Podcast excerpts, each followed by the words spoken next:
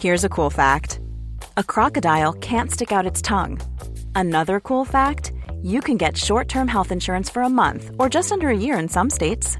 United Healthcare short term insurance plans are designed for people who are between jobs, coming off their parents' plan, or turning a side hustle into a full time gig. Underwritten by Golden Rule Insurance Company, they offer flexible, budget friendly coverage with access to a nationwide network of doctors and hospitals. Get more cool facts about United Healthcare short term plans at uh1.com. There's never been a faster or easier way to start your weight loss journey than with PlushCare. PlushCare accepts most insurance plans and gives you online access to board-certified physicians who can prescribe FDA-approved weight loss medications like Wigovi and Zepbound for those who qualify. Take charge of your health and speak with a board-certified physician about a weight loss plan that's right for you. Get started today at plushcare.com slash weight loss. That's plushcare.com slash weight loss. plushcare.com slash weight loss.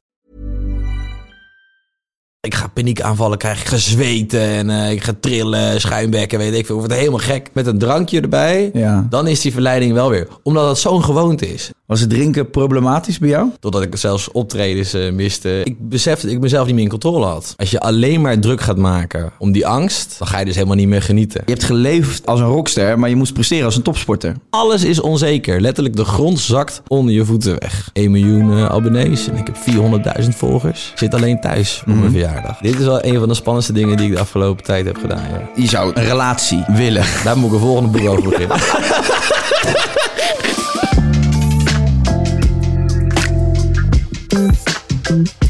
Welkom bij Even Relativeren, de podcast. En deze keer met Thomas van der Vlucht. Zeker. Hoppa, zeg ik je naam gewoon gelijk in één keer goed. Even lekker relativeren. Relativeren. Ik ben blij dat je er bent. Uh, we hadden het net voordat de podcast begon, hadden we een gesprek over slaap.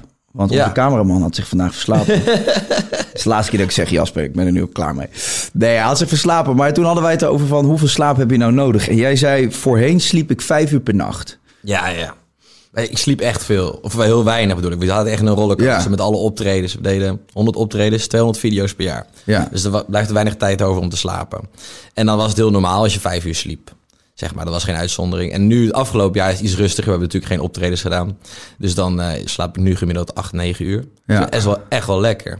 Ja, heerlijk. En als je nu eerst sliep ik altijd ook in een soort van roes. Want ik rookte eerst en ik dronk best wel veel, ook door de week. Ben je gestopt met roken? Ja, sinds kort. Netjes. Dus eh, ja, Gefeliciteerd. Soms, soms met een drankje en dan stiekem nog wel een sigaret. Maar dan is het eigenlijk heel gek. Ja? En als ik nu besef dat ik gewoon altijd rookte in de auto, overal, als ik, overal waar ik naartoe ging, als ik de auto uit de deur uitstapte, meteen peuk in mijn bek. Ja. En nu niet meer. En daardoor slaap je in een soort van roes. En nu kom je in een soort van veel diepere slaap. Je droomt bizarre Ja. verhalen en je staat op, je hebt veel meer rust. Het is wel echt een omslag. En, en hoe ben je gestopt met roken? Eh, dat was gewoon een of andere dag. Mijn, mijn collega stopte ook met roken. Dus ik dacht, ja, dan ben ik de enige nog die rookt. Ja. Laat ik dan ook maar gewoon stoppen. Want dan sta ik in mijn eentje buiten een beetje te paffen. Dus eh, nou, dat is wel echt heel chill. Valt goed. Het valt dan ineens op, hè? Vroeger was het helemaal niet raar om te roken, maar ik heb het nu ook. Ik rook Ja. nog steeds, helaas. Ik wil ook wel echt stoppen, maar ik ga nu niet een heel zielig verhaal ophangen van het lukt niet. Ik weet dat het, het ligt aan jezelf en het zit tussen je oren vooral. Ja, maar het zat ook zo in mijn systeem. Ja. Ik, ik rookte tien jaar, dus po- hoort gewoon bij mij. Ik wil nog een beetje mijn rock'n'roll houden. Ik wil niet helemaal een eh, nette jongen worden. En op een of andere manier, eh, ja, is het gewoon die knop omgegaan. Er zijn wel heel veel mensen die, die gestopt zijn met roken en het wordt steeds minder normaal om te roken. Je, krijgt Ja. steeds meer, je bent steeds meer een uitzondering. Ja, ja, er wordt steeds meer gezegd, oh, ga je nu naar buiten? Oh ja, oké. Weet je wel, dat valt steeds meer op. Terwijl vroeger was het meer normaler of zo. En je gaat er ook over nadenken dat je enorm meurt als je de enige bent die rookt. Want als jij dan weer zo'n auto instapt Ja. en die andere drie roken niet, dan Ja. ruik je dat echt. Ja, ja, ja. Dus dat soort dingen. Ja, het valt gewoon meer op. Heb je er moeite mee gehad om te stoppen? Nee, het ging eigenlijk best wel makkelijk. Ik dacht, ik ga gewoon... Ik dacht, nou, oké, vanavond is de laatste avond en morgen stop ik ermee. Ja. En ja, ik heb eigenlijk... Ik dacht, ik ga paniekaanvallen krijgen, ik ga zweten en eh, ik ga trillen, schuimbekken, weet ik veel. Ik word helemaal gek. Ja. Maar het is helemaal niet zo. Wat goed. ja, fijn om dat te horen. het, kan, het is best wel makkelijk. Geeft er een beetje hoop. Ja, Maar het stoppen van het roken had wel een soort inleiding of een aanleiding, toch? Je wilde je leven op een andere manier inrichten. Je had het over slaap en zo. Wat, wat, wat, wat gebeurde er op het moment dat je dacht, nu is het echt genoeg? Ehm, nou ja, we, willen gewoon, ik wil gewoon meer kunnen doen, zeg maar. Zeg maar, meerdere dingen op één dag. En op een gegeven moment moest daar meer focus bij komen. Ja. En dan eh, wil je daar gewoon voor gaan. Dus dan heb je een soort stok achter de deur. En dan, eh dan dacht ik, ik wil nu echt een keer fit worden, weet je wel. En dan ga je daar gewoon helemaal voor. En Je wil, je wil niet voor jezelf gaan falen. Nee, nee, nee. En hoe lang ben je nu gestopt? Eh 15 weken denk ik of zo. Ja. Netjes. Dan, dan schijn je over het ergste punt heen te zijn, toch? Zeg, na drie maanden ben je er vanaf. Ja, nou ja, ik heb wel... Na vijf weken had ik even een dipje of zo. En toen na tien weken dacht ik, oh, dit is ook wel even... Maar met een drankje erbij, Ja. dan is die verleiding wel weer. Omdat dat zo'n gewoonte is. Een drankje, een peukje, weet je wel. En, maar ja, om dan ook nog weer weg te laten, dat duurt nog even, denk Mhm. ik. Uiteindelijk wil ik wel gewoon helemaal vanaf. Maar als jij nu op vrijdagavond een drankje gaat doen, en dan koop je geen pakje meer, of wel? Nee. Ja, want dat is dan het probleem. Hè? Als je dan nog een half pakje overhoudt en het is zondag en je hebt even zo'n momentje, Ja. dan denk je, ik zal maar oproken of zo. Nee. Nee. Nee, dat heb ik niet. Oké, dus niet kopen. Nee, en dan soms, als je dan als je een drank gaat doen, je moet ook niet te streng zijn voor jezelf. Hè? Kom op, hè? we leven niet in een concentratiekamp thuis. Nee. Dus als er een vriend van jou eh, bij de sigaret staat te doen, nou, dan doe, doe ik wel eentje mee als, als we een drankje aan het doen zijn. Ja, precies. Maar ja, daarna is het echt klaar. Dan, dan nu denk je ook van, wat raar eigenlijk. Maar je zei net ook van, ik dronk elke dag. Dus dat zou Ja. betekenen dat je dan ook elke dag zou roken. Maar dat doe je ook niet meer elke dag. Nee, nee, nee, nee, Nee? Alleen in het weekend nog een paar glazen. En dat is het eigenlijk. Was het drinken problematisch bij jou? Ja, hebben wel problematische fases gehad, laat ik het zo zeggen, ja. Ja? Zeker met al die optredens. En eh, op een gegeven moment ehm, begon het ook een beetje de overhand te nemen. Ja. Zeg maar. Want je woont, ik woonde dan in mijn eentje in het centrum van Amsterdam vol verleidingen, vrouwen, drank, drugs. En eh, ja, dan zat ik gewoon in mijn eentje in de kroeg te tanken. Echt? ja. En ik leerde de barman wel goed kennen, dus had ik nog steeds een gezellige avond. Maar dan sloeg dat best wel eh, ver door. Totdat ik zelfs optredens eh, miste en dat de jongens dan dachten, wat is Thomas aan het doen? Ja, die zit in de ik- kroeg. lag mijn roes uit te slapen.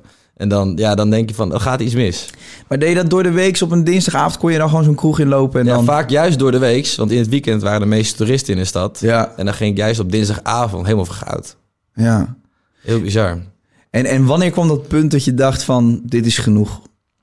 Eh, nou, dat ik besefte dat ik mezelf niet meer in controle had. Ja. Er gebeurden dingen die ik niet wilde. Ik wilde geen optredens missen, want dan liet ik Giel en Stefan in de steek. Dus toen dacht ik van, hé, hey, het gaat fout. Dus eh, Thomas, get yourself together. Nou, toen was het, ging het even goed en daarna ging het weer fout. Daardoor kreeg, ja, dacht ik, ik heb mezelf echt niet meer in de hand. Toen Ja. kreeg ik dus ook paniekaanvallen van, hè, wat gebeurt er, weet je wel. Ik wil ook gewoon eh, wel mezelf focus kunnen blijven houden. Mhm. En toen eh, zei Giel van, ja, misschien moet je eens een keer met Joost gaan praten. En dat is dan een mental coach waar hij ook bij zit. Ja. Toen ben ik daar gaan praten en eh, die zei van... Ja, het is, het is logisch dat dit gebeurt. Het is helemaal niet erg. Maar dat komt omdat jij misschien te druk bent. Weet je wel, Je- dit is ook je uitlaatklep, die drank. Precies. En drugs en vrouwen. Dus eh, we moeten gaan kijken van... eh, waar ligt het probleem? Waarom is die uitlaatklep zo groot? En dat kwam dan weer omdat ik de regie zo ver uit handen had gegeven, zeg maar. Alles ging vanzelf. De optredens werden gepland, de opnames werden gepland, de scripts werden geschreven, de formats werden bedacht. Het enige wat ik hoefde te doen was, ik hoef alleen maar aan te komen en mijn praatje te doen, even een grapje te maken. zeg Oh, hier ben ik. Ja. ja. ja, En dat was eigenlijk niet de Thomas waar, waar ik vandaan kom. Ik was altijd zelf cameraman, programma's maken, bedenken. Dus toen eh, zijn we met het idee gekomen om zelf weer iets te gaan maken met een heel klein team. Daar is toen mijn eigen YouTube-kanaal eh, ontstaan. En dat is eigenlijk meer een hobbyproject. Maar daar krijg ik wel heel veel energie van, zeg maar. ja. Dus ik moest die regie weer in handen krijgen. Dat is eigenlijk nu je uitlaatklep geworden. Ja, Zelf weer aan de slag gaan. ja, dus nu echt afspraak gewoon één of twee keer per jaar moet ik gewoon iets voor mezelf maken. En daar krijg ik dan weer heel veel energie van. En daardoor kan ik mezelf op de rails houden. Ja. Maar dan moet er een enorm conflict zijn dat je, dat je in een soort vacuüm zit qua werk en hoe je leven wordt ingedeeld. Je merkt dat je op een gegeven moment tegen dingen aanloopt en dan zoek je een uitlaatklep. En dat is dan jouw momentje, jouw plekje. Ja. En dat is dan eigenlijk nog slechter voor je. Ja. Dus, dus het zijn twee, twee uitersten die ook nog eens met elkaar in conflict staan. Ja, ja, je zoekt eigenlijk op zoek naar de energie, weet je wel, de kick, de Ja. roes, weet je wel. En je droomde altijd van een rock'n'roll leven in Amsterdam, weet je wel. Dan ga ik daarvoor en dan kom ik dat met, combineer ik met mijn werk en bekend aan het worden. Denk ik, oh, dit is het. En dan ben je daar, dit is het helemaal niet. Het gaat alleen weer slecht met mij. Ja. Je moet juist, waar leef je voor, waar krijg je energie van? En oh, dat is programma's maken, weet je wel. En bedenken, mensen entertainen, weet je wel. Reacties uitlokken, weet je wel. En daar, dat is het, uiteindelijk het echte waar je voor leeft. En had je die ruimte, had je die ruimte niet binnen Stuk TV dan? Eh, jawel, alleen daar moest je er ook bovenop zitten. Dus ik moest meer betrokken worden bij het team, zeg maar. Dus ik moest gewoon naar kantoor toe en dan gewoon kijken wat aan de hand was en dan bijspringen, zeg maar. Ja. Maar omdat het zoveel was, was je gewoon kapot. En dan kon je dat niet echt doen. Zeg maar. Daar had hij geen energie voor om daar ook nog bovenop te zitten. Ja. Dus ik moest wel andere dingen gaan laten liggen. En om meer energie daarvoor te krijgen. Er moest meer balans komen, zeg maar. En Stuk TV, het grootste YouTube-kanaal van Nederland, al zo lang als dat ik jou ken, ben je daarmee bezig. En dat is inmiddels best wel lang. Eh jullie zijn ook wel echt een van de eerste geweest in Nederland. Dan ga je op een gegeven moment groeien. Dan ga je er allerlei dingen bij doen, zoals dat optreden. Hè? En Ja. dan zit je in een rush. Maar als je in die rush ziet, dan weet je eigenlijk niet... Waar, je, je ziet die muur niet waar je een keer tegenaan gaat lopen. Dat is best wel lastig, denk ik. Je weet ook niet waar het naartoe gaat. Nee, precies. We wisten alle, we hadden allemaal geen plan. We gaan dit doen en we doen het goed en dan zien we wel waar we stranden. We hadden echt geen doel voor ogen. Het enige waar wij mee bezig waren, we willen geen eenasvlieg zijn. We willen ons merk bouwen, we willen groter worden, we willen publiek worden. We willen onze eigen platform creëren. We waren bang dat we een eenasvlieg zouden zijn, dat het zo pats weer over zou zijn. Dus alleen maar werken, knallen, knallen, alles pakken. Ja, en dan, dan word je gewoon gek als je geen eh, rust erin neemt, zeg maar. Als je niet even gaat genieten van het uitzicht wat je hebt gecreëerd, zeg maar. Ja. Dat is wel eh, intens, zeg maar. Wat, wat, eh, wat er dan op je afkomt. En de verantwoordelijkheid, zeg maar, de druk die je voelt, weet je wel. Want iedereen ziet dan, oh, het gaat goed. Dat heb jij vast ook wel. Zeg maar, oh, het gaat goed en het gaat als een raket. En jij doet dit, je doet dat. En je vast nu relaxed, weet je wel. Maar ondertussen ben je alleen maar bang dat het in één klap over is. Ja, ja, En die angst, als die de overhand neemt, ja, is het eigenlijk het begin van het einde. klopt. Dat is heel heftig. Ja, dat hoor je heel veel. En heb jij tijdens het succes dat je had ooit wel eens beseft dat je het succes had? Of was het altijd die angst die overroelde? Op een gegeven moment besefte ik dat eh, als je alleen maar druk gaat maken om die angst, dan ga je dus helemaal niet meer genieten. Je moet er juist nu van genieten, weet je wel. En is, dan, dan heb je er in ieder geval van genoten als het zo meteen afgelopen is. Je hebt het toch niet in de hand. Ja. Dus mocht het dan afgelopen zijn, dan heb je in ieder geval van genoten, Ja, dacht ik. Weet je wel? En ik heb toch niks te verliezen. En als je juist niet meer bang bent, dan, dan, dan gaat het alleen maar beter. Want als je juist bang bent, dan ga je misschien gekke fratsen uithalen om extra aandacht te komen en dat soort dingen, weet je wel. Dat moet je allemaal niet willen. En, en konden jullie daar met elkaar over praten, jij, Stefan en Giel? Ja, we zaten natuurlijk in die zin in hetzelfde schuitje. Ja, En Giel had het ook best wel, want die voelde natuurlijk ook eh, de verantwoordelijkheid van het bedrijf op hem leunen, weet je wel. En eh, wij deelden die verantwoordelijkheid wel, maar hij vond het heel erg intens. Dus hij deelde ook die paniekaanvallen en die onrust en die onzekerheid. Dus in die zin eh, zagen we, hielden we elkaar wel echt in de gaten. En dat is ook wel, dat vind ik dan wel mooi, dat het met z'n drieën doet. Dat je, dat je het wel samen deelt. ja, En daar heb ik ook zoveel respect voor, voor jou en bijvoorbeeld zo'n JJ, die allemaal in zijn eentje moeten boksen. Dat is best wel pittig. Zeg maar, Ja. Je kan nooit bijna op iemand terugvallen. nee. Hoe ervaar jij dat dan, zeg maar? Nou, ik, heb, ik heb dus ook zo'n periode gehad dat Ja. ik echt gewoon voelde... Ik, dat was eigenlijk toen ik mijn theatershow ging doen. Ja. Toen Ja, zat ik in zo'n rush van alles lukt. Ja. En ik verkoop kaarten en ik doe televisieprogramma's. En ik heb een YouTube-kanaal en ik doe campagnes en ik reis veel. En toen kwam die theatershow erbij en toen kreeg ik echt even een... eh, Maar dat is zo persoonlijk. ja. Ja, toen stond ik in de Lamar voor duizend mensen en eh, dat was bij mijn première. En toen had ik er al drie gedaan ook die week. En toen klapte ik gewoon, ben ik ook van het podium afgelopen. Ja? Ja, ik had toen zo'n- paniekaanval en toen zocht ik naar lucht. En toen ging ik heel erg hyperventileren. Toen werd ik helemaal licht in mijn hoofd. Ja. Toen dacht ik, ja, ik kan twee dingen doen. Of ik kan nu flauw vallen op het podium. Of ik kan gewoon met mijn publiek delen van... jongens, Ja. ik voel me niet goed, ik ga er even af. Dat deed ik. Daarna heb ik hem wel afgemaakt. Want ik, eh, ja, ik kwam alweer tot rust. Maar toen heb ik de volgende dag ook met Talisa, mijn manager... een gesprek gehad van... ik ben echt op een punt aangekomen... waarin ik mezelf voorbij ben gerend. En dat is Ja. best wel kut. Want mijn theatershow begon toen. Eigenlijk Ja. de tour begon toen. Maar ja, dit is wel een heel leerzaam proces Zo. waar je doorheen gaat, weet je wel. Je hebt Ja. wel de top van je kunnen gezien. Dit kan ik. Kijk, ik wil misschien nog meer halen. Hoe ga ik dat dan halen, weet je wel? Dus ik zie el- elk ja, ding waar je tegenaan loopt... ook weer als een soort van leerproces. Zeker. Want Ja. bijvoorbeeld, ik, ik zat ook tegen het punt van... ik kan, kan mezelf niet meer handelen, ik heb mezelf niet meer in de hand. Toen zei Joost, eh, we kunnen nu naar een huisarts toe gaan... en dan ga je waarschijnlijk drie maanden thuis zitten. Mhm. Maar ik ken jullie agenda een beetje, dat gaat hem niet worden. Ik vind het wel een leuke uitdaging om te kijken... hoe lang we dit kunnen volhouden. Mhm. En dacht ik, ja, dat vind ik een veel leukere insteek... dan inderdaad bij de pakken neer te gaan zitten en Ja. rust te nemen. Ja. En dat, dat vond die instelling alleen al... dat gaf me alweer energie. Ja. Maar dat is ook, dat is ook wel heftig, toch? Ja, Want, aan de ene kant, je komt daar omdat je blijkbaar max hebt bereikt. En misschien is dan eh, de conclusie wel dat je rust moet nemen. Maar dat was dus niet iets wat hij voor zich zag en wat jij voor je zag op dat moment. Nee, hij zag ook wel dat ik nog steeds wel gedreven was. Ja. En dat ik heel ongelukkig zou worden als ik nu thuis zou Nou gaan ja, zitten. precies. Dus op die manier hebben we toen erin gefietst. En toen zijn we gewoon gaan kijken, hoe kun, waar haal jij je energie van? Hoe gaan Ja. we dit zo lang mogelijk volhouden? Maar wat wel grappig is, als ik naar jouw verhaal luister.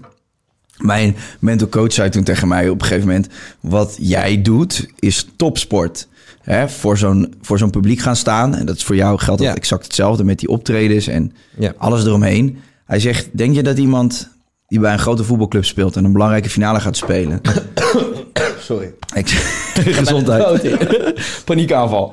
Denk je dat iemand die bij een grote voetbalclub speelt en een finale gaat spelen, de dag voordat hij eh, die wedstrijd gaat spelen, zijn kop eraf zuipt, slecht slaapt, mensen in zijn kleedkamer laat? Ja. Dat soort dingen. Hij zegt, je moet je leven ook gaan indelen als een topsporter. Ja. En daar hoort dus ook bij dat je veel gaat slapen, dat je je rust pakt, dat je afsluit, dat je je grenzen gaat aangeven. Ja. En ik denk dat jij daar ook tegenaan hebt gelopen. Want jij bent, Ja. je hebt geleefd als een rockster, maar je moest presteren als een topsporter. Ja, op een gegeven moment ga je dus ook sporten, trainen, Ja. fit, gezondheid. Weet je wel, ik ging gewoon vier keer per week hardlopen, met een personal trainer aan de slag. Je gaat echt, die manier ga je je leven indelen, zeg maar, als een topsporter. Zo moet je het ook gaan benaderen, zeg Mhm. maar. Je moet gewoon de uren van je dag indelen en op die manier eh, met jezelf omgaan.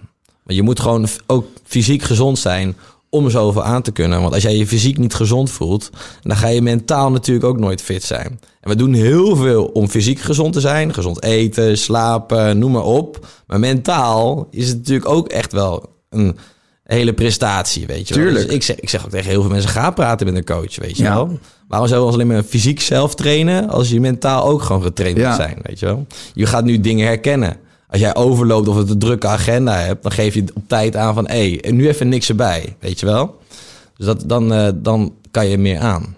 Ja, dat is denk ik het belangrijkste, toch? Dat je gaat herkennen wanneer je Ja, de max hebt bereikt. En dat, nadat je dat eigenlijk voor bent. Want mensen gaan pas praten of gaan pas wat aan die problemen doen als ze al door hun hoeven zijn gezakt. Alleen je moet Ja. dat, dat moment moet je eigenlijk voor zijn. dus nu schrijf ik op wat is ruis, waar wil ik niet mee bezig zijn, wat wil ik gewoon eruit hebben, zeg maar. Waar wil ik nu de focus Ja. op hebben?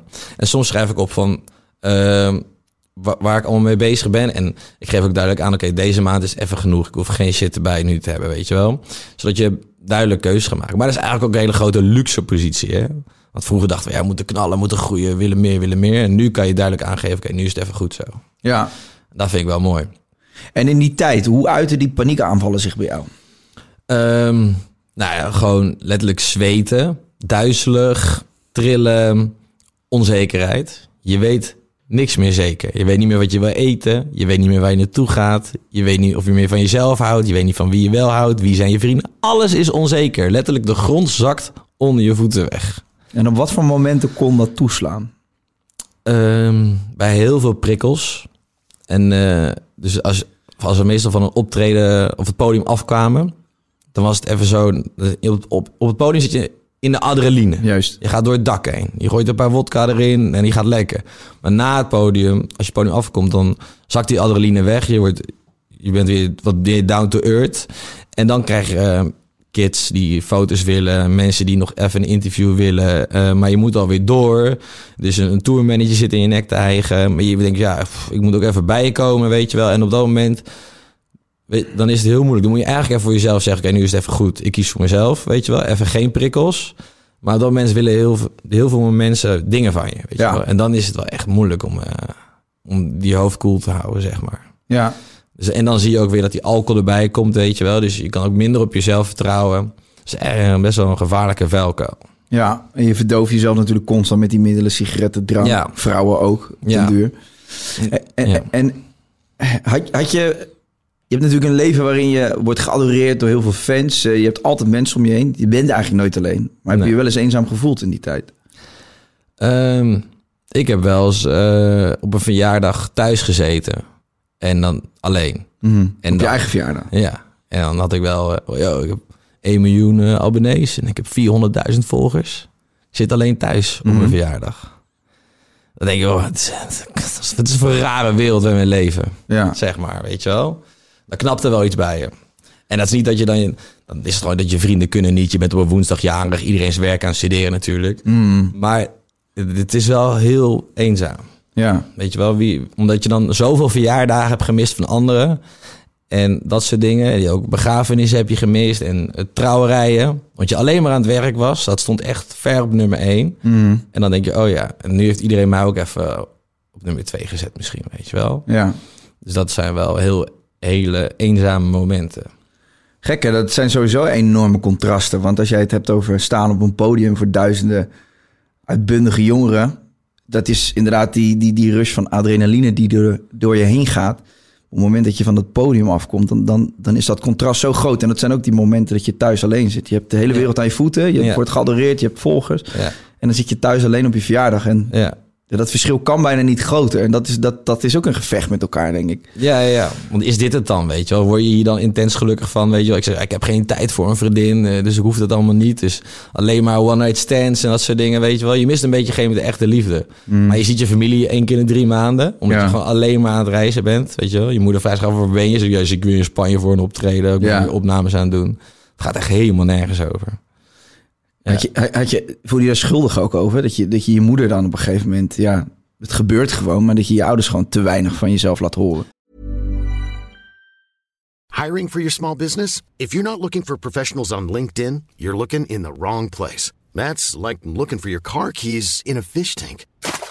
LinkedIn helps you hire professionals you can't find anywhere else, even those who aren't actively searching for a new job but might be open to the perfect role. In a given month, over 70% of LinkedIn users don't even visit other leading job sites. So start looking in the right place. With LinkedIn, you can hire professionals like a professional. Post your free job on linkedin.com/people slash people today. Ja, dat is heel moeilijk. Want mijn ouders snapten sowieso heel slecht wat ik aan het doen was. Ja. Dat er natuurlijk al vanaf het begin af aan ga maar een vak leren. En ga gewoon werken bij de NPO. Ga een mooie natuurfilm maken als cameraman. Ja. Maar dat ik dan met een YouTube kanaal met allemaal gekke dingen... naakt door de supermarkt lopen, mijn geld ga verdienen... Dat zijn wel twee hele verschillende dingen. Zeker als je uit een christelijk gezin komt. Ja, Maar ja, dat moest ik. Ik geloofde er wel in. En ik liet ook zien dat ik daar mijn geld mee verdiende. Kijk, maar ik hoor je met een vet gesponsorde auto eh, aanrijden. Ik ben heel minimalistisch eh, opgegroeid, weet je wel. Een auto die reed van A naar B. En mijn vader zei, dat doet zijn functie. Dat is prima, Ja. weet je wel. Je hoeft geen cruise control en eh, een bepaald geluidssysteem in je auto. Dus ik kwam in een hele andere wereld terecht dan waar ik was opgegroeid. ja. En dat is dan wel moeilijk uit te leggen. Zeker als je... Mijn ouders waren ook niet echt ondernemend. En ik vond dat juist die ondernemerswereld wel heel interessant, weet je. Dus je kan ook daar weinig informatie... Ik kreeg weinig steun van hun. ja. Pas toen wij de boel verkochten aan Talpa... Toen was er een feest en toen was Humberto Tan daar... En toen waren nog meer bekende Nederlands... En John de Mol was daar. En toen waren mijn ouders er ook. En toen dachten ze, oh, hij heeft toch iets goed gedaan. Toen pas besefte ze eigenlijk waar je mee bezig was. Of Ja. hoe groot ze het eigenlijk was. Ja, en ik kreeg ook... Nou, dat vond ik altijd echt moeilijk. Als ik, als ik dan thuis was, kreeg ik te horen van... ehm, en eh, wanneer ga je nou weer een normale baan zoeken? En dan was ik altijd binnen een uur weg. Ja, dat snap ik dacht, wel. als jullie, als jullie niet zien hoe hard ik werk Ja. voor mezelf, weet je wel...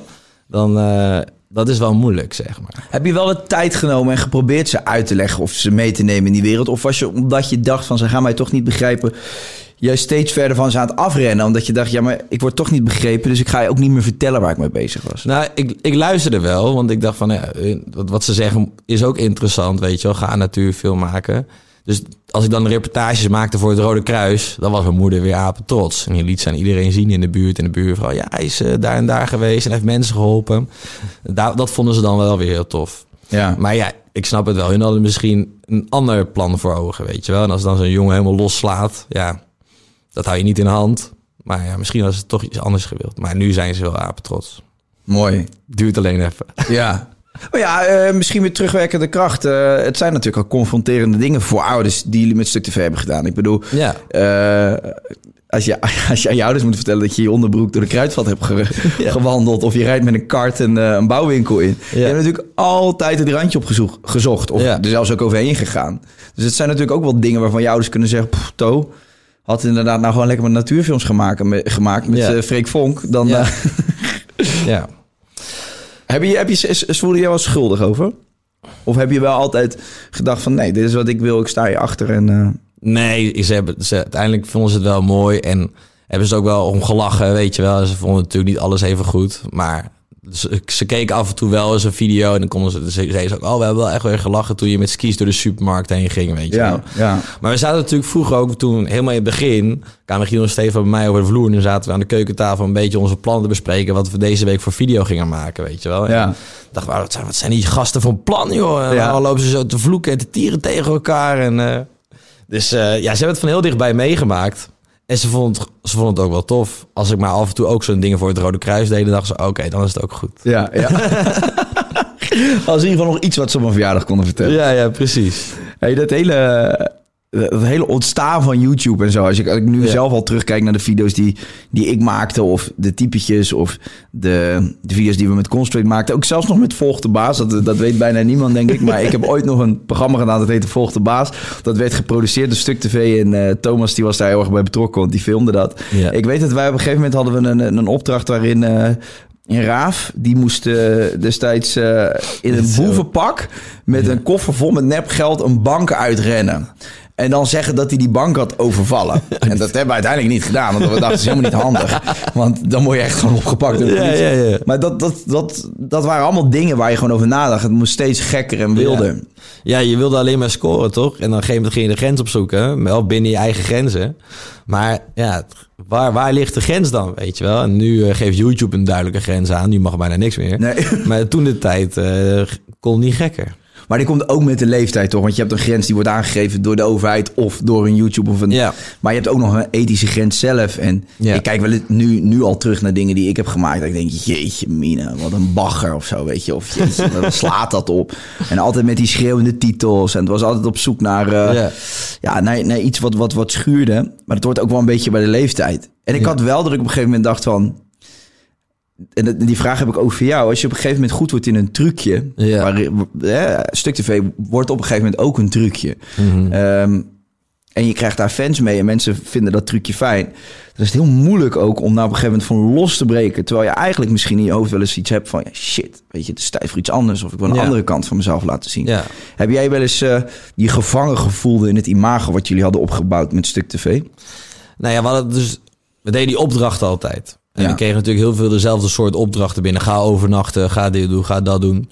En dat hebben, deden we dan ook. Want ik, dat, dat, was het hele idee. Dat de kijker dingen bepaalde voor ons. En wij dachten van ja, hoe blijven we dit leuk voor onszelf vinden? Want als wij het zelf leuk vindt de kijker het ook leuk. Ja. Als wij het zij gaan vinden, dan gaat de kijker het ook zij vinden. Dus nu hebben we bedacht... Boertje. Ga lekker met ons. Het is maandag, hè? Boeren, hoesten, niezen. Nee, maar eh, nu hebben we het omgegooid. Dus zijn we van die opdracht afgestapt en zijn we gewoon miniseries gaan maken op de woensdag. En daarmee is de uitdaging voor ons veel groter en veel leuker. Ja. Maar het is wel heel eng. Want inderdaad, dat trucje, dat was de woensdagopdracht. Ja. Daar scoorden we altijd mee en dat was eh, elke keer iets anders. Weet je wel, heel, heel veel variatie zat erin. En nu dachten we van ja, kom op, we willen iets meer effort, meer energie in één ding stoppen, zodat het nog vetter wordt. Dus ik ben blij dat we die omslag hebben gemaakt. Eh, en daardoor krijgen we ook meer, meer ruimte voor onszelf, weet je wel. Dan doet Giel zijn ding, dan doet Steven zijn ding. Wij sluiten daarmee aan. Maar we krijgen veel meer speelruimte in die zin. Ja. En op die manier kunnen we nog wel door. Anders, Hmm. als we in hetzelfde ding blijven hangen, dan hadden we niet nog langer door kunnen gaan. Nee. En, en hoe hou je zo'n drietal vrienden? Hè? Jullie zijn eigenlijk nog niet eens als vrienden begonnen. Want jullie Nee. zijn gewoon... eh, volgens mij heeft Giel jullie gecast. Of jij jullie Ja, hebben ja. Stefan gecast of zo. Nou, hij had toen eh, een vacature online gezet. Ja. Filmvacatures. Eh, ik heb het idee, wil me helpen. En toen was ik net klaar met mijn opleiding als kamerman. En toen zijn we gewoon eh, gaan bierzuipen eigenlijk. En Ja. toen klikte het wel. En toen hebben we nog een casting gehouden. Toen is Stefan erbij gekomen. En op die manier eh, ja, een beetje elkaar leren kennen. Maar we hebben de afgelopen tien jaar wel zoveel intense dingen samen meegemaakt... dat je elkaar wel echt goed leert kennen. Maar hoe hou je zo'n eh, zo, zo'n zo'n boyband bij elkaar? Als, je, ah, als je kijkt naar de geschiedenis met de Backstreet Boys en Ja, al die ja. gasten... op een gegeven moment gaan ze uit elkaar... want één krijgt te veel aandacht en één vindt te veel dit. Eh, Wat je zegt, al tien jaar lang doen jullie zo verschrikkelijk veel... en zo intens. Hoe, Ja. hoe moeilijk of hoe makkelijk is het in jouw optiek? Ehm, ja, je- tuurlijk. Je hebt, in het begin heb je wel een beetje wrijving, weet je wel. Van ik wil ook meer aandacht, ik wil ook frontman zijn. Of hij wil de frontman zijn, of hij wil de aandacht, weet je wel. Hoe positioneer je je dan? Toen dacht ik, ja, kijk, als je het daarom moeilijk gaat doen, nou, nou, dan wordt het niet, weet je wel. Dus je moet gewoon je plek kennen of eh, elkaar de ruimte geven. En op die manier kan je samen als een team verder komen. Ik zie het echt als een team. En wat is jouw plek? Hoe zou je je plek omschrijven? Eh, ik ben gewoon een goede middenvelder. Je geeft balletjes aan, je ruimt wat dingen Ja, op. ik gooi er af en toe wat in. En eh, ja, nee, precies. En, maar ik zie dat als een teamprestatie, zeg maar. We zouden niet los zonder van elkaar zo goed kunnen scoren. Weet je, omdat het zo divers is. Ja. En dat is als, als ik een YouTube-kanaal zou runnen, dan zouden er waarschijnlijk alleen maar jongens uit de stad naar kijken. Maar omdat Giel erbij zit, kijken er ook mensen buiten, uit, uit Brabant. En dan Stefan als weer wat meer, meer de alternatieve guy. En daardoor kijken nog meer mensen naar. En met z'n drieën spreken we dus bijvoorbeeld een hele brede doelgroep aan. Maar Giel is bijvoorbeeld heel zakelijk en tactisch. En ik ben meer heel technisch en eh, op andere manieren sterk. En Stefan is, eh, die heeft toneelschool gedaan. En als er niets gebeurt, gebeurt er toch wel iets. Ja. En op die manier hebben we altijd wel één tweetjes en gebeurt er altijd wel wat. Alleen omdat we... Het grappige is dat we alle drie zo verschillend zijn, maar wel dezelfde passie hebben om alleen maar video's te maken. Dus we kunnen hele heftige discussies hebben, elkaar de huid vol schelden. En uiteindelijk is de conclusie, ja, alle jongens, we willen toch alleen maar een toffe video neerzetten. Ja, dat is waar, weet je wel. Ja. alleen op wat voor manier? Is er wel eens een punt geweest dat je dacht, ik stop ermee? Ja, af en toe heb je wel eens van die momenten dat je denkt van, pff, wat maken we het onszelf weer moeilijk? Ja. Waarom moet het zo, zo, waarom moet het zo?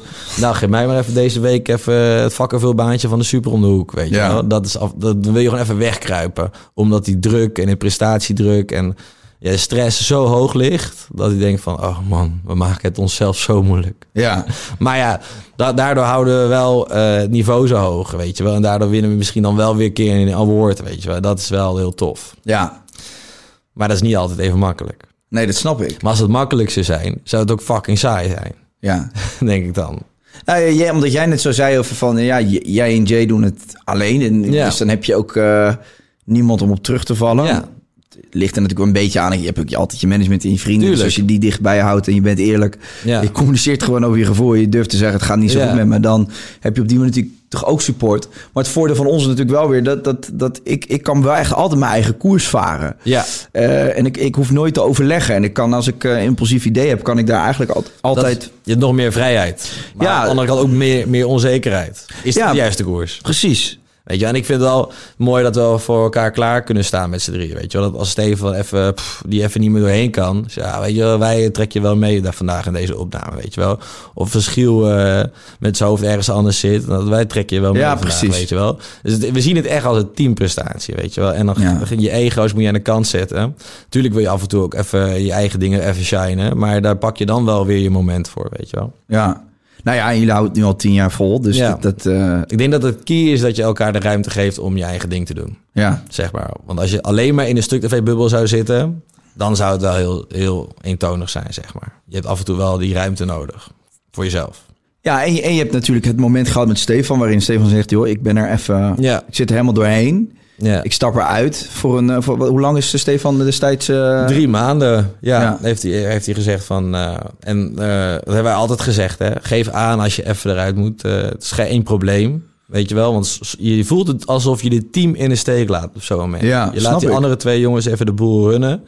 Maar zo is het niet. Want we weten dat we niet zonder elkaar kunnen. Dus we moeten elkaar die ruimte er geven. Ja. Ja.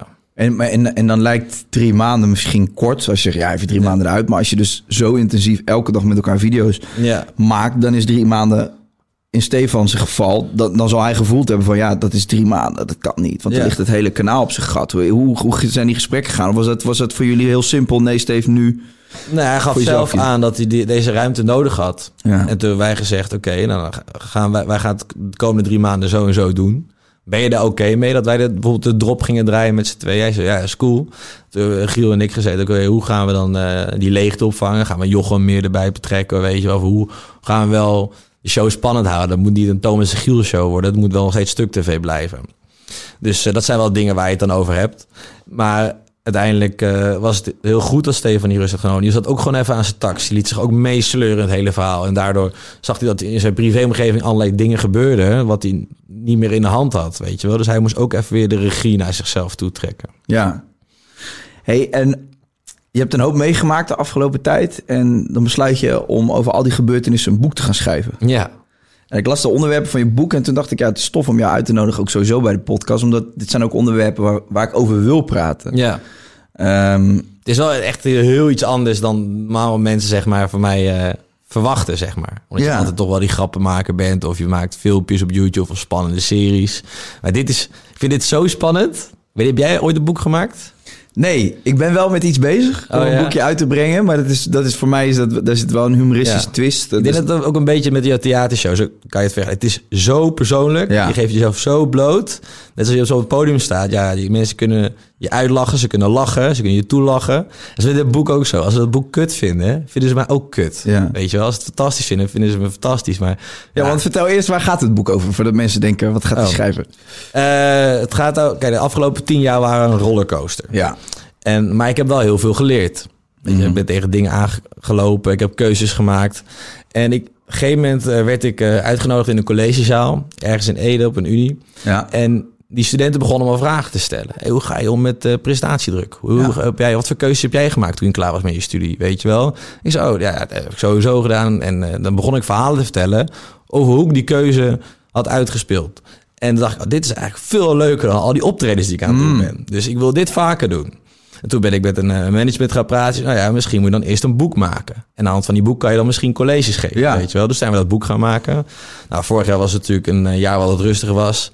Dus heb ik met een ghostwriter dat boek geschreven. Want ik ben zelf dyslectisch. Dus het lijkt me niet handig als ik een boek ga schrijven. Hij interviewde jou. Hij interviewde mij Ja. gewoon meerdere sessies, neemt hij dan op. En elke keer ga je het dan eh, over een bepaald moment hebben. En, en dan ga je daaruit eh, die verhalen komen. Dus eh, op een gegeven moment, is een, anderhalf maand geleden, kwam dat boek naar mij toe. Alle verhalen compleet. En zo, ja. En dan dacht ik, oh nee, maar het is net iets anders. Dan ben ik dat hele boek weer gaan herschrijven. En dan nu is het af. Ja, dat is wel redelijk spannend, kan ik je vertellen. En dus, je- dus het is gewoon eigenlijk hoe jij de afgelopen tien jaar hebt beleefd met alle ups en downs. Nee, het is niet, niet, niet, is niet een eh, biografie of zo. Het zijn meer van eh, de dingen die ik geleerd heb. Het heet ook de tien geboden van Thomas. Ja. Want ik kom uit die christelijke opvoeding. Ja. En eh, nou, dan, vanuit de Bijbel krijg je dan tien geboden mee. En die komen uit de Bijbel. En in de Bijbel zijn ook eigenlijk een soort van verhalen met metaforen erin. Weet je wel? Wil niet zeggen dat de Bijbel, alles wat erin staat, daar, dat, dat het waar is. Maar ze gebruiken dat boek meer voor je opvoeding. Om je normen en waarden mee te geven. En eh, dat vonden ze een leuk haakje bij de uitgeverij. En waarom worden niet de tien geboden van Thomas? Dat vond ik best wel raar, want het geloof moet je niet fucken. Nee. Weet je wel, de, de mensen, mensen hechten daar best wel veel waarde aan. Ja. Maar het zijn natuurlijk best wel hele oude geboden die in de Bijbel staan. Weet je wel, waarom worden die niet soort van vertaald naar deze tijd? Een van de geboden is van eh, heb geen seks voor het huwelijk. Maar dat is in de tijd verzonnen dat er nog geen voorboedsmiddelen waren. Ja. Dus dan is het best wel logisch dat je met elkaar afspreekt... laten we niet met z'n allen elkaar gaan naaien... want dan wordt het echt een feest. ja, precies. Snap je? Ja. Dus nu, ik was op kerkkamp op een gegeven moment. En toen zei ze ook, ja, nu maakt het niet uit, want er zijn voorboedsmiddelen. Je mag heus wel seks hebben voor het huwelijk. Maar Ja. het moet wel een beetje speciaal blijven. Thomas. Dus ja, oké. Ja. Dat is het enige waar jij aan hebt gehouden, toch? De afgelopen tien jaar. Ja, ja, zeker. Van al die geboden. Dus nee, maar ik dacht, het is wel leuk om eh, ja, die mensen die van een studie afkomen, van een opleiding afkomen, iets mee te geven. En wat ik geleerd heb, kan ik aan hun meegeven. En nu hebben ze daar misschien iets aan. Dus op die manier is het boek bedoeld. Ja. Van, ik heb eh, dingen meegemaakt waar ik dingen van heb geleerd. Neem dat mee en hoef jij het niet allemaal zelf te ontdekken.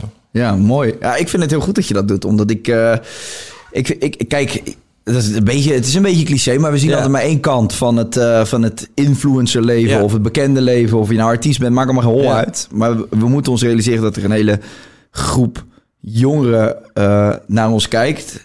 En dat adoreert en dat ook romantiseert. En ik vind het eh, feit dat je jezelf blootgeeft in zo'n boek, vind ik alleen maar goed. En ook, ja, daar moet je lef voor hebben, maar ik denk dat het van, van heel veel meerwaarde kan zijn. Ja, en zeker als je het over relativeren hebt, zeg maar. Ik heb wel heftige dingen meegemaakt met die reizen voor het Rode Kruis. En ik ben op een gegeven moment ook met RTL Nieuws naar eh, Irak geweest.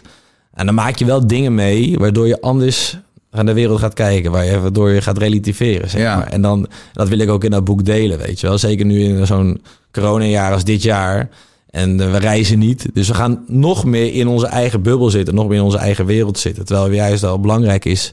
Weet je, hou je ogen open. Er is nog veel meer dan Ja. dit. Weet je wel? En dat wil ik mensen wel ook een beetje meegeven, weet je wel. Ga op avontuur. Ja.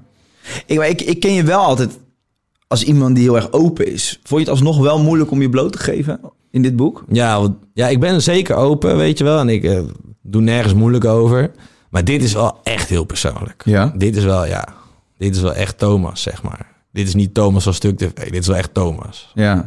Dat is wel even iets anders. Ik ga bijvoorbeeld maar één hoofdstuk gaat over Stuk TV. De anderen gaan allemaal over andere dingen die ik heb meegemaakt. Maar krijg eens een kijkje in je hoofd. Ja. Ik laat me ook best wel uit over sommige, sommige dingen. Het eerste hoofdstuk gaat dan bijvoorbeeld over de sch- het scholensysteem. Ja.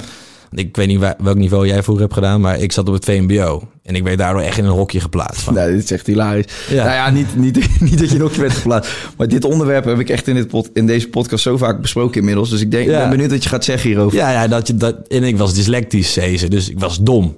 Ja. Weet je wel? En dat kreeg ik zo vaak te horen dat ik mezelf ook dom begon te vinden, weet je wel? Terwijl je op een andere soort manier intelligent bent. Maar niet volgens het scholensysteem. En nog steeds als ik jongeren spreek van het VMBO, dus ja, ik herken dat. Beginnen op de basisschool. Ja, ja, ja, precies. En dan denk ik van... En nu, als mensen grappen maken over mijn spellingsfouten... dan denk ik, ja, grappig, ik ben dyslectisch. Maar eigenlijk doet het heel erg pijn. Mhm. Want ik kan er niks aan doen. Nee. Weet je wel? Of als mensen zeggen, oh, je bent echt dom. En dan denk ik, ah, grappig. Maar het is echt kut. Weet je wel? En dat is, en dat is wel, ja, daar kan ik me echt boos over maken. Snap ik. Ja. En hoe zou je het scholensysteem veranderd willen zien worden? Nou ja, dus nu is ook zo de vrije school, zeg maar. Volgens mij is dat, dan gaat alles wel door elkaar. En dat is al veel beter, zeg maar. Dat je niet zo in een hokje wordt geplaatst. Ja. Alleen ze zouden niet zo in degradaties moeten denken van eh, middelbaar of lager, weet je wel. Dat, dat is sowieso de verkeerde naam. Je bent niet goed in leren, maar je bent op een andere manier intelligent. Die gasten kunnen fucking veel. Bijvoorbeeld, een van de voorbeelden. Ik zat op de VMBO en ik huurde een gymzaal af bij de gemeente. En dan ging met al mijn eh, klasgenoten gingen we gewoon in onze vrije tijd naar die gymzaal toe. En dan gingen we freerunnen, breakdansen, turnen. Die gasten konden alles. Muzikaal waren ze ook beatboxen, rappen. Weet je wel? Ja, dat zie je iemand van het VWO misschien niet doen. Omdat hij gewoon super slim is en allerlei talen kan spreken, weet je wel. Maar ja, dus andere manier intelligent zijn. Ja. Kan je ook heel ver mee komen, weet je wel. En dat zie je ook nu bijvoorbeeld het ondernemerschap. Heel veel mensen ontdekken het ondernemerschap en die kunnen heel goed bluffen. En die zijn echt van het aanpakken, dingen doen, weet je wel. Dus ik zat gisteren nog die podcast met eh Shahid, eh, Dutch Performant, te kijken, weet je wel. Super handige gast. Niet normaal. Super succesvol. Maar kan die leren? Nee. Dus het is, Nou ja, niet, niet volgens het Nee, systeem. systeem. Nee, weet je wel. Ja. Dus ik wil alleen maar laten zien dat het... En ik ben ook opgegroeid in een gezin dat, dat volgens het systeem, zeg maar, de opvoeding deed, zeg maar. Maar je moet ook daarbuiten die lijnen durven te kleuren. Absoluut. Ja. Nee, ik, ik ben het helemaal met je eens. En ik vind het grappig dat dit onderwerp hier al een paar keer is teruggekomen. Ja, ja. Laatst ook een video met Monica opgenomen. Toen ging het hier ook alweer over. Eh, dus ik zal proberen, hè, voordat mijn volgers weer roepen van... Nou, kan je het de- er weer over hebben? Gaan we het er weer over, sorry. Nee, maar, ja, maar daar, daar ben ik blij dat jij verantwoord hebt. Want het, het, is, ja, het is een feit. En ik ben ook blij dat we het nogmaals benadrukken. Voor, omdat ik denk dat er ook heel veel eh, jongeren zitten te kijken... die tegen diezelfde problemen aanlopen. Die in hokjes worden gedouwd. En eh, Ja. Maar bijvoorbeeld dit- dit- wat ik toen gedaan heb, want ik besefte op vrij jonge leeftijd dat ik ehm, met een VMBO-diploma alleen kom ik er niet. Want dan blijf ik nog steeds in het hoekje zitten. Dus ik ging vrijwilligerswerk doen. En daardoor cv opbouwen, netwerk opbouwen. En daardoor kwam ik steeds een stapje verder. Want ik dacht van ja, zit allemaal zo meteen, deze jongens hebben allemaal hetzelfde papiertje. En die komen allemaal bij hetzelfde bedrijf aan. En waarom zouden ze mij dan kiezen? Dus een van die tips of levenslessen die ik meegeef in het boek, gewoon ga vrijwilligerswerk doen. mhm. Want dat, nu is je tijd nog goedkoop, zeg maar. En nu kan je nog heel makkelijk dingen ondernemen. ja, en, die, en die tijd om je horizon te verbreden... die is zo belangrijk. Ja. Eh, Ik vind het ook grappig als we dan een meeting hebben met eh, John de Mol. Die zegt dan van ja, het enige wat ik niet heb is tijd. ja, En dat is wat jongeren in Nederland wel hebben. Heel Ja. veel tijd. ja. Dat is eigenlijk dan het tostbaarste wat er is. Absoluut. En is het niet ook zo dat, eh, dat als je in dat systeem zit van een opleidingsstudie of een school, ehm, dat juist dat je, dat je daardoor juist met een soort helm opleeft, weet je wel? Je horizon wordt niet verbreed en Ja. je komt er ook niet achter wat je echt wil. Ja. Ik had de keuze gemaakt om op een gegeven moment te stoppen met het school van journalistiek, omdat Ja. ik, ik heb hetzelfde probleem als jij. Ik kon heel moeilijk spellen, dus ik ja lekker als je school van journalistiek eh, doet, dat was een, was een hel. Maar doordat ik dus stopte en dat risico nam, heb ik in die tijd dat ik van school afging ineens zoveel ruimte gekregen in mijn hoofd om te achterhalen wat ik echt leuk vind. En toen ging mijn creativiteit kwam eindelijk eh, tot zijn recht. Ja. En die had ik in dat systeem, was die altijd, was die altijd gedowngrade van nee, nee, nee, je moet leren, je moet leren. Ja. En had ik dus al mijn focus gelegd op iets wat ik eigenlijk niet zo goed kan, Ja. maar waar ik misschien eigenlijk ook wel helemaal niks mee wil. Want nog een vraag, ik bedoel, ik snap echt hè, basisonderwijs, ik snap eh, leer rekenen, leer eh, spellen, leer praten, leer schrijven, bla bla bla bla bla. Maar op een gegeven moment wiskunde, et cetera. Ik bedoel, als je daar niet iets mee gaat doen, Ja. dan we hebben allemaal een rekenmachine. Het is niet Ja. iets wat je de rest van je leven opslaat. Nee. Maar waar je wel enorm veel struggles mee ervaart. Wat nou als we gaan kijken... wat vinden we wel leuk? Waar liggen onze kwaliteiten? Ja. En dat hoeft niet altijd vanuit een boek te zijn. Maar dat kan ook iets zijn waarin jij Ja. zegt bijvoorbeeld van... Ik vind het heel, ja, ik noem altijd een beetje het standaard voorbeeld, omdat drukke kinderen hebben eigenlijk altijd het probleem, toch? In de klas. Nou, ik was altijd te druk. Ja, ja. Maar ik denk dan van, als iemand nou graag praat en bezig is, ga nou eens kijken wat je met die kwaliteiten kan. Ja. Wellicht dat je daarop kan aansturen. Ja, en natuurlijk is er een bepaalde basis. Ik heb uiteindelijk wel dat, dat papiertje gehaald voor een cameraman. Want ik dacht, nou, dan heb ik in ieder geval een soort basis om waar ik op terug kan vallen, weet je wel. Het is heel moeilijk om, zeg maar, halverwege een opleiding zeg je, tabé ermee. Dan neem je van wel een groot risico. Maar ja, het is wel spannend om eh, niet alleen maar voor dat gebaande pad te gaan, zeg maar. Zeker. Van, ik ga eh, opleiding doen en ga daarna een baan zoeken, zeg maar. Maar doe, probeer er eens iets bij te doen, weet je wel. Waardoor je inderdaad je horizon verbreedt. Dat kan vrijwilligerswerk zijn, dat kan ook iets anders zijn. Waardoor je mensen leert kennen en die hebben ook weer een hele andere wereld voor zich, weet je wel. Ik Ja. vind het ook heerlijk om door de stad heen te lopen en te bedenken wat zijn deze mensen allemaal aan het doen. In plaats van alleen maar op Instagram te scrollen. Ja. Nee, ja, absoluut. Ja, bijvoorbeeld onze cameraman Jaapie. Nee, maar Jaapie die zit, die zit hier en die maakt gewoon fucking veel meters. ja, ja. Je stage aan het lopen en op een gegeven moment krijg je een netwerk en je ziet allemaal mensen en je Ja. krijgt daar ook een klus van. En op een gegeven moment ga je werken, werken, Ja, werken, ja. werken. En dat is iets wat je in de praktijk moet gaan ervaren. En dat netwerk, dat doe je vaak niet op als je alleen maar eh, achter de boeken zit en eh, oh, Nee. paniek, paniek, paniek. Nee, ik vind het ook heerlijk om een onderwerp in te duiken, weet je wel. Of dat ik een presentatie vind ik goed. Is ook, dan wil ik alles over een weten. Of ik vind een onderwerp interessant. En dan bestel ik gewoon die avond op bol.com al die boeken. En dan ga ik gewoon erheen bladeren, weet je wel. Gewoon een beetje zelfstudie is ook super lijp. Want iedereen kan toch leren, Thomas, als het onderwerp je maar interesseert. Ja, ja, want ik wilde vroeger cabaretier worden, weet je. Ik was ook Ja. de grappenmaker van de klas, net zoals jij waarschijnlijk. En dan dacht ik, nou, dan, dan ga ik alle boeken bij de bibliotheek lenen over cabaretiers, alle dvd's. Ik ken al die conferenties uit mijn hoofd, weet Ja. je wel. Een puntje, een paaltje, denk ik, ik zou er gek van worden als ik elke dag in de toneelschool had Ja. moeten staan op het podium, weet je wel. Maar die informatie, die, die Ja. kon je heel erg makkelijk tot je nemen. Ja, omdat het je interesseert. Precies. Ja, dat is nu ook de truc. Als ik iets nu moet leren, dan moet ik mezelf proberen te interesseren daarvoor. Ja, maar dus je bent automatisch ben je gewoon heel veel tijd tijdens je studie kwijt aan het leren van dingen, aan het opslaan van dingen die je eigenlijk niet interesseren en waar je op den duur ook niks meer aan hebt. En Nee. die tijd zou in mijn optiek beter moeten worden ingedeeld. Ja, ja. Maar bijvoorbeeld, ik vond die snuffelstages, dat vond iedereen saai en boring. Maar ik vond het eigenlijk best bijzonder interessant. Want op dat moment ontdek je wat je interessant vindt, weet Ja. je wel. Ik ging bij een gym, gymdocent ging ik meelopen. Dacht ik, ik hou van sporten. Maar gymdocenten zijn dus helemaal niet leuk. Ik ging eh, een week lopen bij een fietsenmaker. Nou, want ik vond techniek en fietsen zat ik thuis ook altijd te knutselen. Maar dat was Ja. het ook niet. Ja. Dus op een gegeven moment, omdat ik hockeytraining gaf, leerde ik een vader kennen. En die was geluidstechnicus bij Kane. Dus, dus ik mocht een keer op een zaterdag mee naar de HMH. Ja. En toen dacht ik, oh, dit is vet. In de spotlights, op het podium, drumstellen, bekende mensen en techniek. Vond ik ook tof. Dacht ik, deze kant wil ik op. Podium, theatertechniek. En toen ging ik die opleiding uiteindelijk doen. Weet je wel? Dus je Vet. moet gewoon dingetjes proberen om erachter te komen wat je uiteindelijk, waar je naartoe wil. Heb je altijd geloofd in jezelf? Ehm, ik heb af en toe wel gewoon dat je, dat je iets deed. En dan dacht ik, oh, kijk, dit, hier krijg je energie van. Dit vind ik leuk. Dus, en op die manier prik je af en toe dat gevoel. En dan ga je die kant op. Maar geloof in jezelf. Ik kreeg, als ik dan een video maakte, dan kreeg ik wel echt reacties. Dat ik dacht van, oh, dit kan ik goed. Dan moet ik mee doorgaan.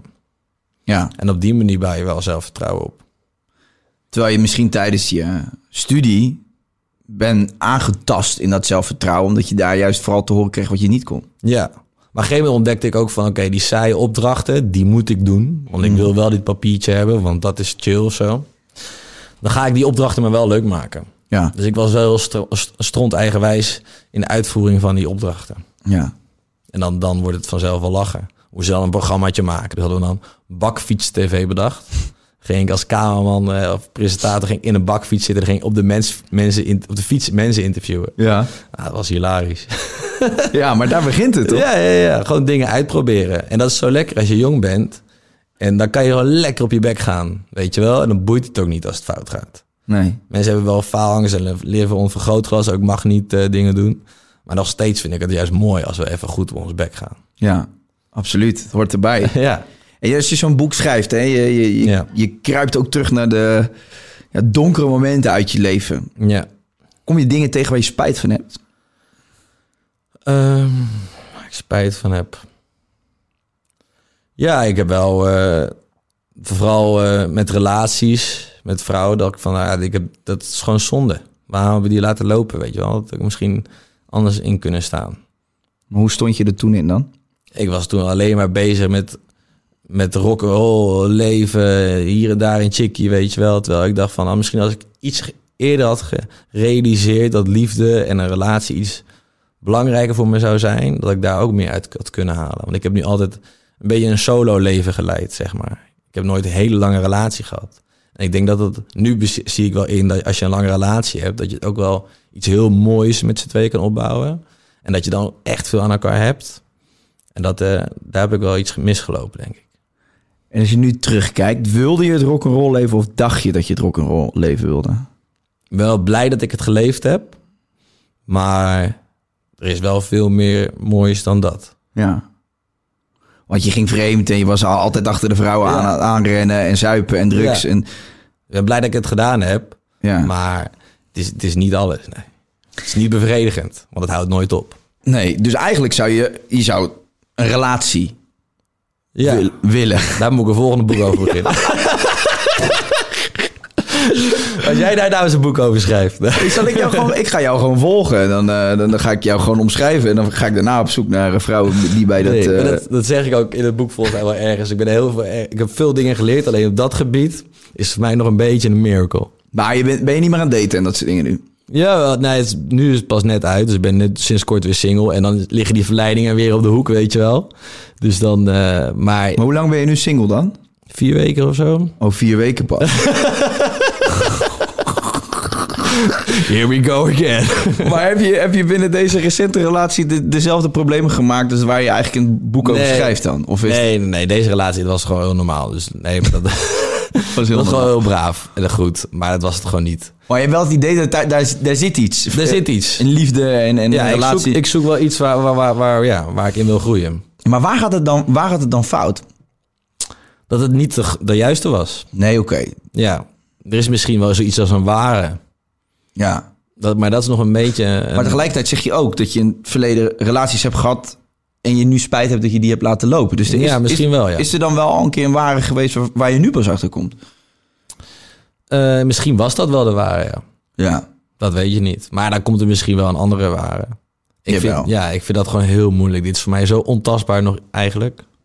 Ben je dan ook iemand die nu eh, heel hard op zoek gaat naar... Nee. Nee, je bent, durf durf je het wel op je af te laten komen? Ik heb nu eh, wel in een vrij korte periode twee relaties gehad, zeg maar. Dus nu heb ik zoiets van, ah, ik moet even wat tranquilo doen. Maar ik ga ook niet meer van de ene one-night stand naar de andere one-night stand. Ja. Ja. En, en zonder dan eh, te verklappen wat je in je boek... Want ik, hoef, ik snap dat je geen conclusie van een bepaald hoofdstuk wil vertellen... maar je hebt ook over deze onderwerpen, heb je het ook. Ja. Drang, drugs, vrouwen. Ja. Waar, waar ben je achter gekomen tijdens het schrijven daarvan? Ehm, Want je, ik denk dat het ook nou, moment was de- therapeutisch is, toch? Op een Als gegeven moment- ja, op een gegeven moment was de conclusie, je moet volwassen worden. Mhm. Ik was zo erg op tegen, tegen het volwassen worden. Ik wilde alleen maar jong blijven. Maar jij hebt ook wel eens tegen mij gezegd... Thomas, je bent echt de eeuwige student. Ja, ja. En dat was ik ook. Dat leven Ja. leidde ik ook. Omdat ik geen verantwoordelijkheid nam. Ik was zo erg tegen dat ik geen koffie dronk. Op een gegeven moment zegt die coach tegen mij... Ja, Thomas, misschien moet je wel volwassen worden. En misschien moet je wel koffie gaan drinken. Waarom? ja, dus je moest wel verantwoordelijkheid gaan nemen voor mijn eigen dingen, weet je wel. En dat is dan, de- dan ga je dus, doe je even een stapje terug uit het rock'n'roll leven. Neem weer de regie, oké, we gaan volwassen worden. Dus ik heb nu een huis gekocht, een hele volwassen stap. Dat zou je het voorheen ook niet gewild hebben, want het klonk dan Ik ben nu uit de stad gegaan, weet je wel. Omdat ik Ja. op lange termijn ga denken. Ik was nooit op lange termijn bezig. Ik was alleen hier en nu. Leven, YOLO. Nu is het vet. Misschien is het morgen voorbij. Ja, Maar je moet misschien wel even nadenken over hoe je over tien jaar erbij wil zitten. met een kop koffie. Ja. dat zijn hele rare dingen. Hoe, ga, hoe vaak ga je nog naar je mental coach? Eén keer per maand of één keer in de twee maanden. Eén keer in de twee maanden. Ja. En is er wel eens een fase dat je denkt, oeh, ik heb hem wat meer nodig dan normaal gesproken, dat je, dat je dan vaker gaat? Of Nou, als er, als er heel veel dingen in je privé dingen gebeuren... waar je zeg maar niet de controle over hebt... dan denk ik zo, oké, nu is het wel even chill om even te sparren. Ja. Dus hoe ga ik dit handelen? En dan vind ik het wel fijn. En ook als het goed gaat, dan sparren we, zeg maar. Omdat het zou een beetje bot zijn alleen met te bellen en af te spreken... als het alleen maar slecht met je gaat. ja, ja. Ik denk juist als het goed met je gaat... is het ook heel handig om met de coach te praten. Want dan kan je misschien nog betere zelf van jezelf worden. ja, maar. tenzij je vraagt, hey, ik zit zo goed in mijn vel, heb je zin om eh, te gaan zuipen en achter de hoeren aan te gaan en te snuiven? in de kroeg? Nou ja, dat heeft als ook uitlaatklep nodig. Maar dat zou wel mooi zijn als je met je mental coach in diezelfde kroeg gaat zitten. ja, nee, ik heb met mijn coach ook vaak gezopen. Ja? Ja, Oké. moet ook gewoon kunnen. Ja. Het is niet alleen dat het alleen maar slecht is. Nee, nee, nee, dat is ook zo. En ik denk ook, ja, dat is ook zo'n eng woord, maar Ja. tot balans is key toch? In de Ja, ja. wereld. Jij bent ook niet de persoon dat eh, de rest van zijn leven met steunkousen, steen, steunkousen in de woonkamer gaat zitten. Nee. Eh, Je moet het wel eh, leuk houden voor jezelf. precies, dan word jij ook ongelukkig. Ja. Als je, zelf, eh, ja, je moet het wel blijven uitdagen. Ja, Maar het afgelopen jaar was het wel moeilijk. Want normaal denk ik, ach, ga even vakantie, krijg ik weer energie. Ga erop uit, avontuur, nieuwe prikkels, nieuwe dingen wil je meemaken. Ja, dat was wel lastig dit jaar. ja. Maar je hebt wel een boek geschreven. Of laten schrijven. Ja, ja samengeschreven. Maar het is wel... eh, Die tijd heb je wel gehad. zijn, we gaan, we gaan wel een soort van nieuwe fase in. Ik bedoel, Ja. ik volgende week 29. Dat is ook wel weer een dingetje. Jongen, als je die 30 aantikt, is het voorbij. Ja, ben je. Ja, ik voel me nu gewoon bij alles wat ik doe, denk ik, oh, ik ben 30. Ja, ja, ja. Maar is ook achterlijk, hè. Je moet je ook nooit laten leiden door een cijfertje. Of Nee, is ook onzin. Maar het, voelt- je voelt hem wel. Ik had laatst, eh, ik weet nou niet of ik, ik erger, ik, volgens mij heb ik dit ook met Johnny besproken, maar ik, ik wil hem toch ook aan jou vragen. Van, als, je, als ik nu terugdenk aan, aan toen ik 18 was, ik, ik heb, ik, tuurlijk, ik doe echt wel, ik ben echt wel verstandig geworden. Ik heb meer verantwoordelijkheid en ik, ik, ik voel me, ik heb minder FOMO en ik ben Ja. wat meer rustig. Ik ben nog wel steeds diezelfde jongen die ik was toen ik 18 was. Dus dat hele volwassen worden. Je hebt toch die quote van... we worden nooit echt volwassen. We leren ons alleen te gedragen in, in, publieke, Mm, ja. eh, in het publiek. Ja, hoe, hoe kijk jij nou? Hoe, hoeveel anders ben je? Je bent nee, bijna 29 ten opzichte van 18-jarige Thomas. Ja, je kijkt wel, je denkt wel langer over dingen na. Je kijkt wel iets verder vooruit. Toen ik 18, 19 was, was ik. Nou, dat is eigenlijk ook niet waar. Want toen was ik ook heel bewust bezig met van ik wil een carrière maken. Ja, Dus ik was wel heel bezig met, met investeren in mezelf. Met dingen uitproberen, werken, vrijwilligerswerk, stage lopen. Dus op die manier was ik wel heel erg bezig met de toekomst. Maar qua rock'n'roll leven was ik wel hier in het moment. En ik zei heel vaak van ja, morgen kan ik aangereden zijn, dan kan het over zijn. Dus fuck it. ja. Weet je wel? Ik was niet met sparen bezig. nee. Mijn spaarrekening was een zero. Maar je hebt er wel van genoten. Ja, zeker. Je hebt wel ge- geleefd. Weet je wel. Ik wil wel zeggen, als ik morgen dood ga, dat oh, die Thomas heeft wel alles eruit gehaald wat erin zit. Ja. En daarom was het voor mij ook zo moeilijk om die stap om te zetten van oké, oké, we gaan wel sparen. We gaan wel een beetje aan de toekomst denken, weet je wel. Ja, ik, ik herken dat wel, die tweestrijd in je hoofd. Maar ik denk dat je, ik denk dat je wel op het goede pad zit. En eh, ik denk dat je op den duur eh, hier vrolijker van wordt dan eh, door Ja. blijven gaan met hoe het ging.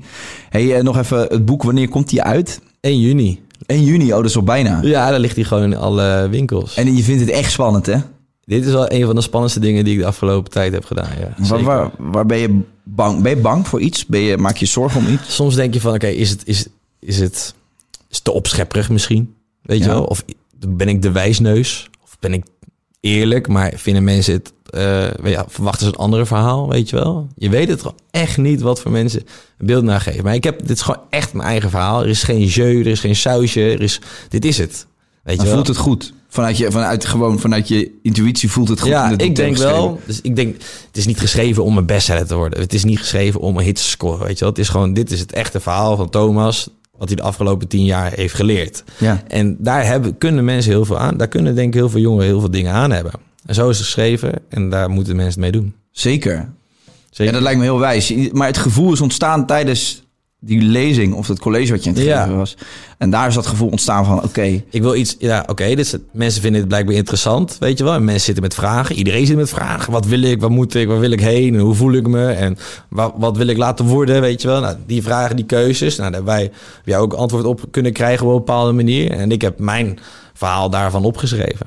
ja. Maar als je dicht bij dat gevoel blijft, dus de intentie om het Ja. schrijven van het boek was zuiver. Ja. En je hebt gewoon geschreven wat jij denkt en voelt. En dit, Ja. dit product is toch gewoon wat het moet zijn dan. En dan, Dan moet je het- scheid hebben aan alle externe meningen. Precies. Er zal, er zal altijd wel in, in tussenlopen die zeggen opschepperig of eh, oh, ik vind het kut. Maar boeien. Het is die intentie, als die intentie zuiver is vanuit jou, dan komt wij dat leven goed. in zo'n maatschappij van het oordelen en dit en dat vinden, weet je wel. Oh, er is weer een boek met allemaal eh, eh, dingen waaruit je kan Ja, leren ja. voor de mental health. Het is geen spannend verhaal. Het, is niet, het gaat niet alleen maar over vrouwen, drank en drugs, weet je wel. Waar mensen zouden verwachten of zo, weet je wel. Dat- Ja.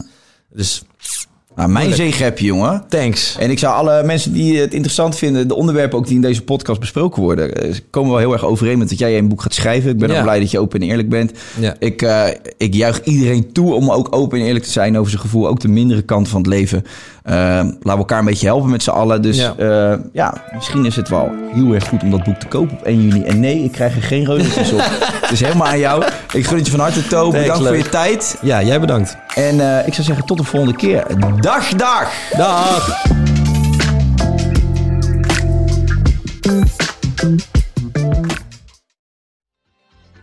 Weet je waar ik zo'n tyfushekel aan heb?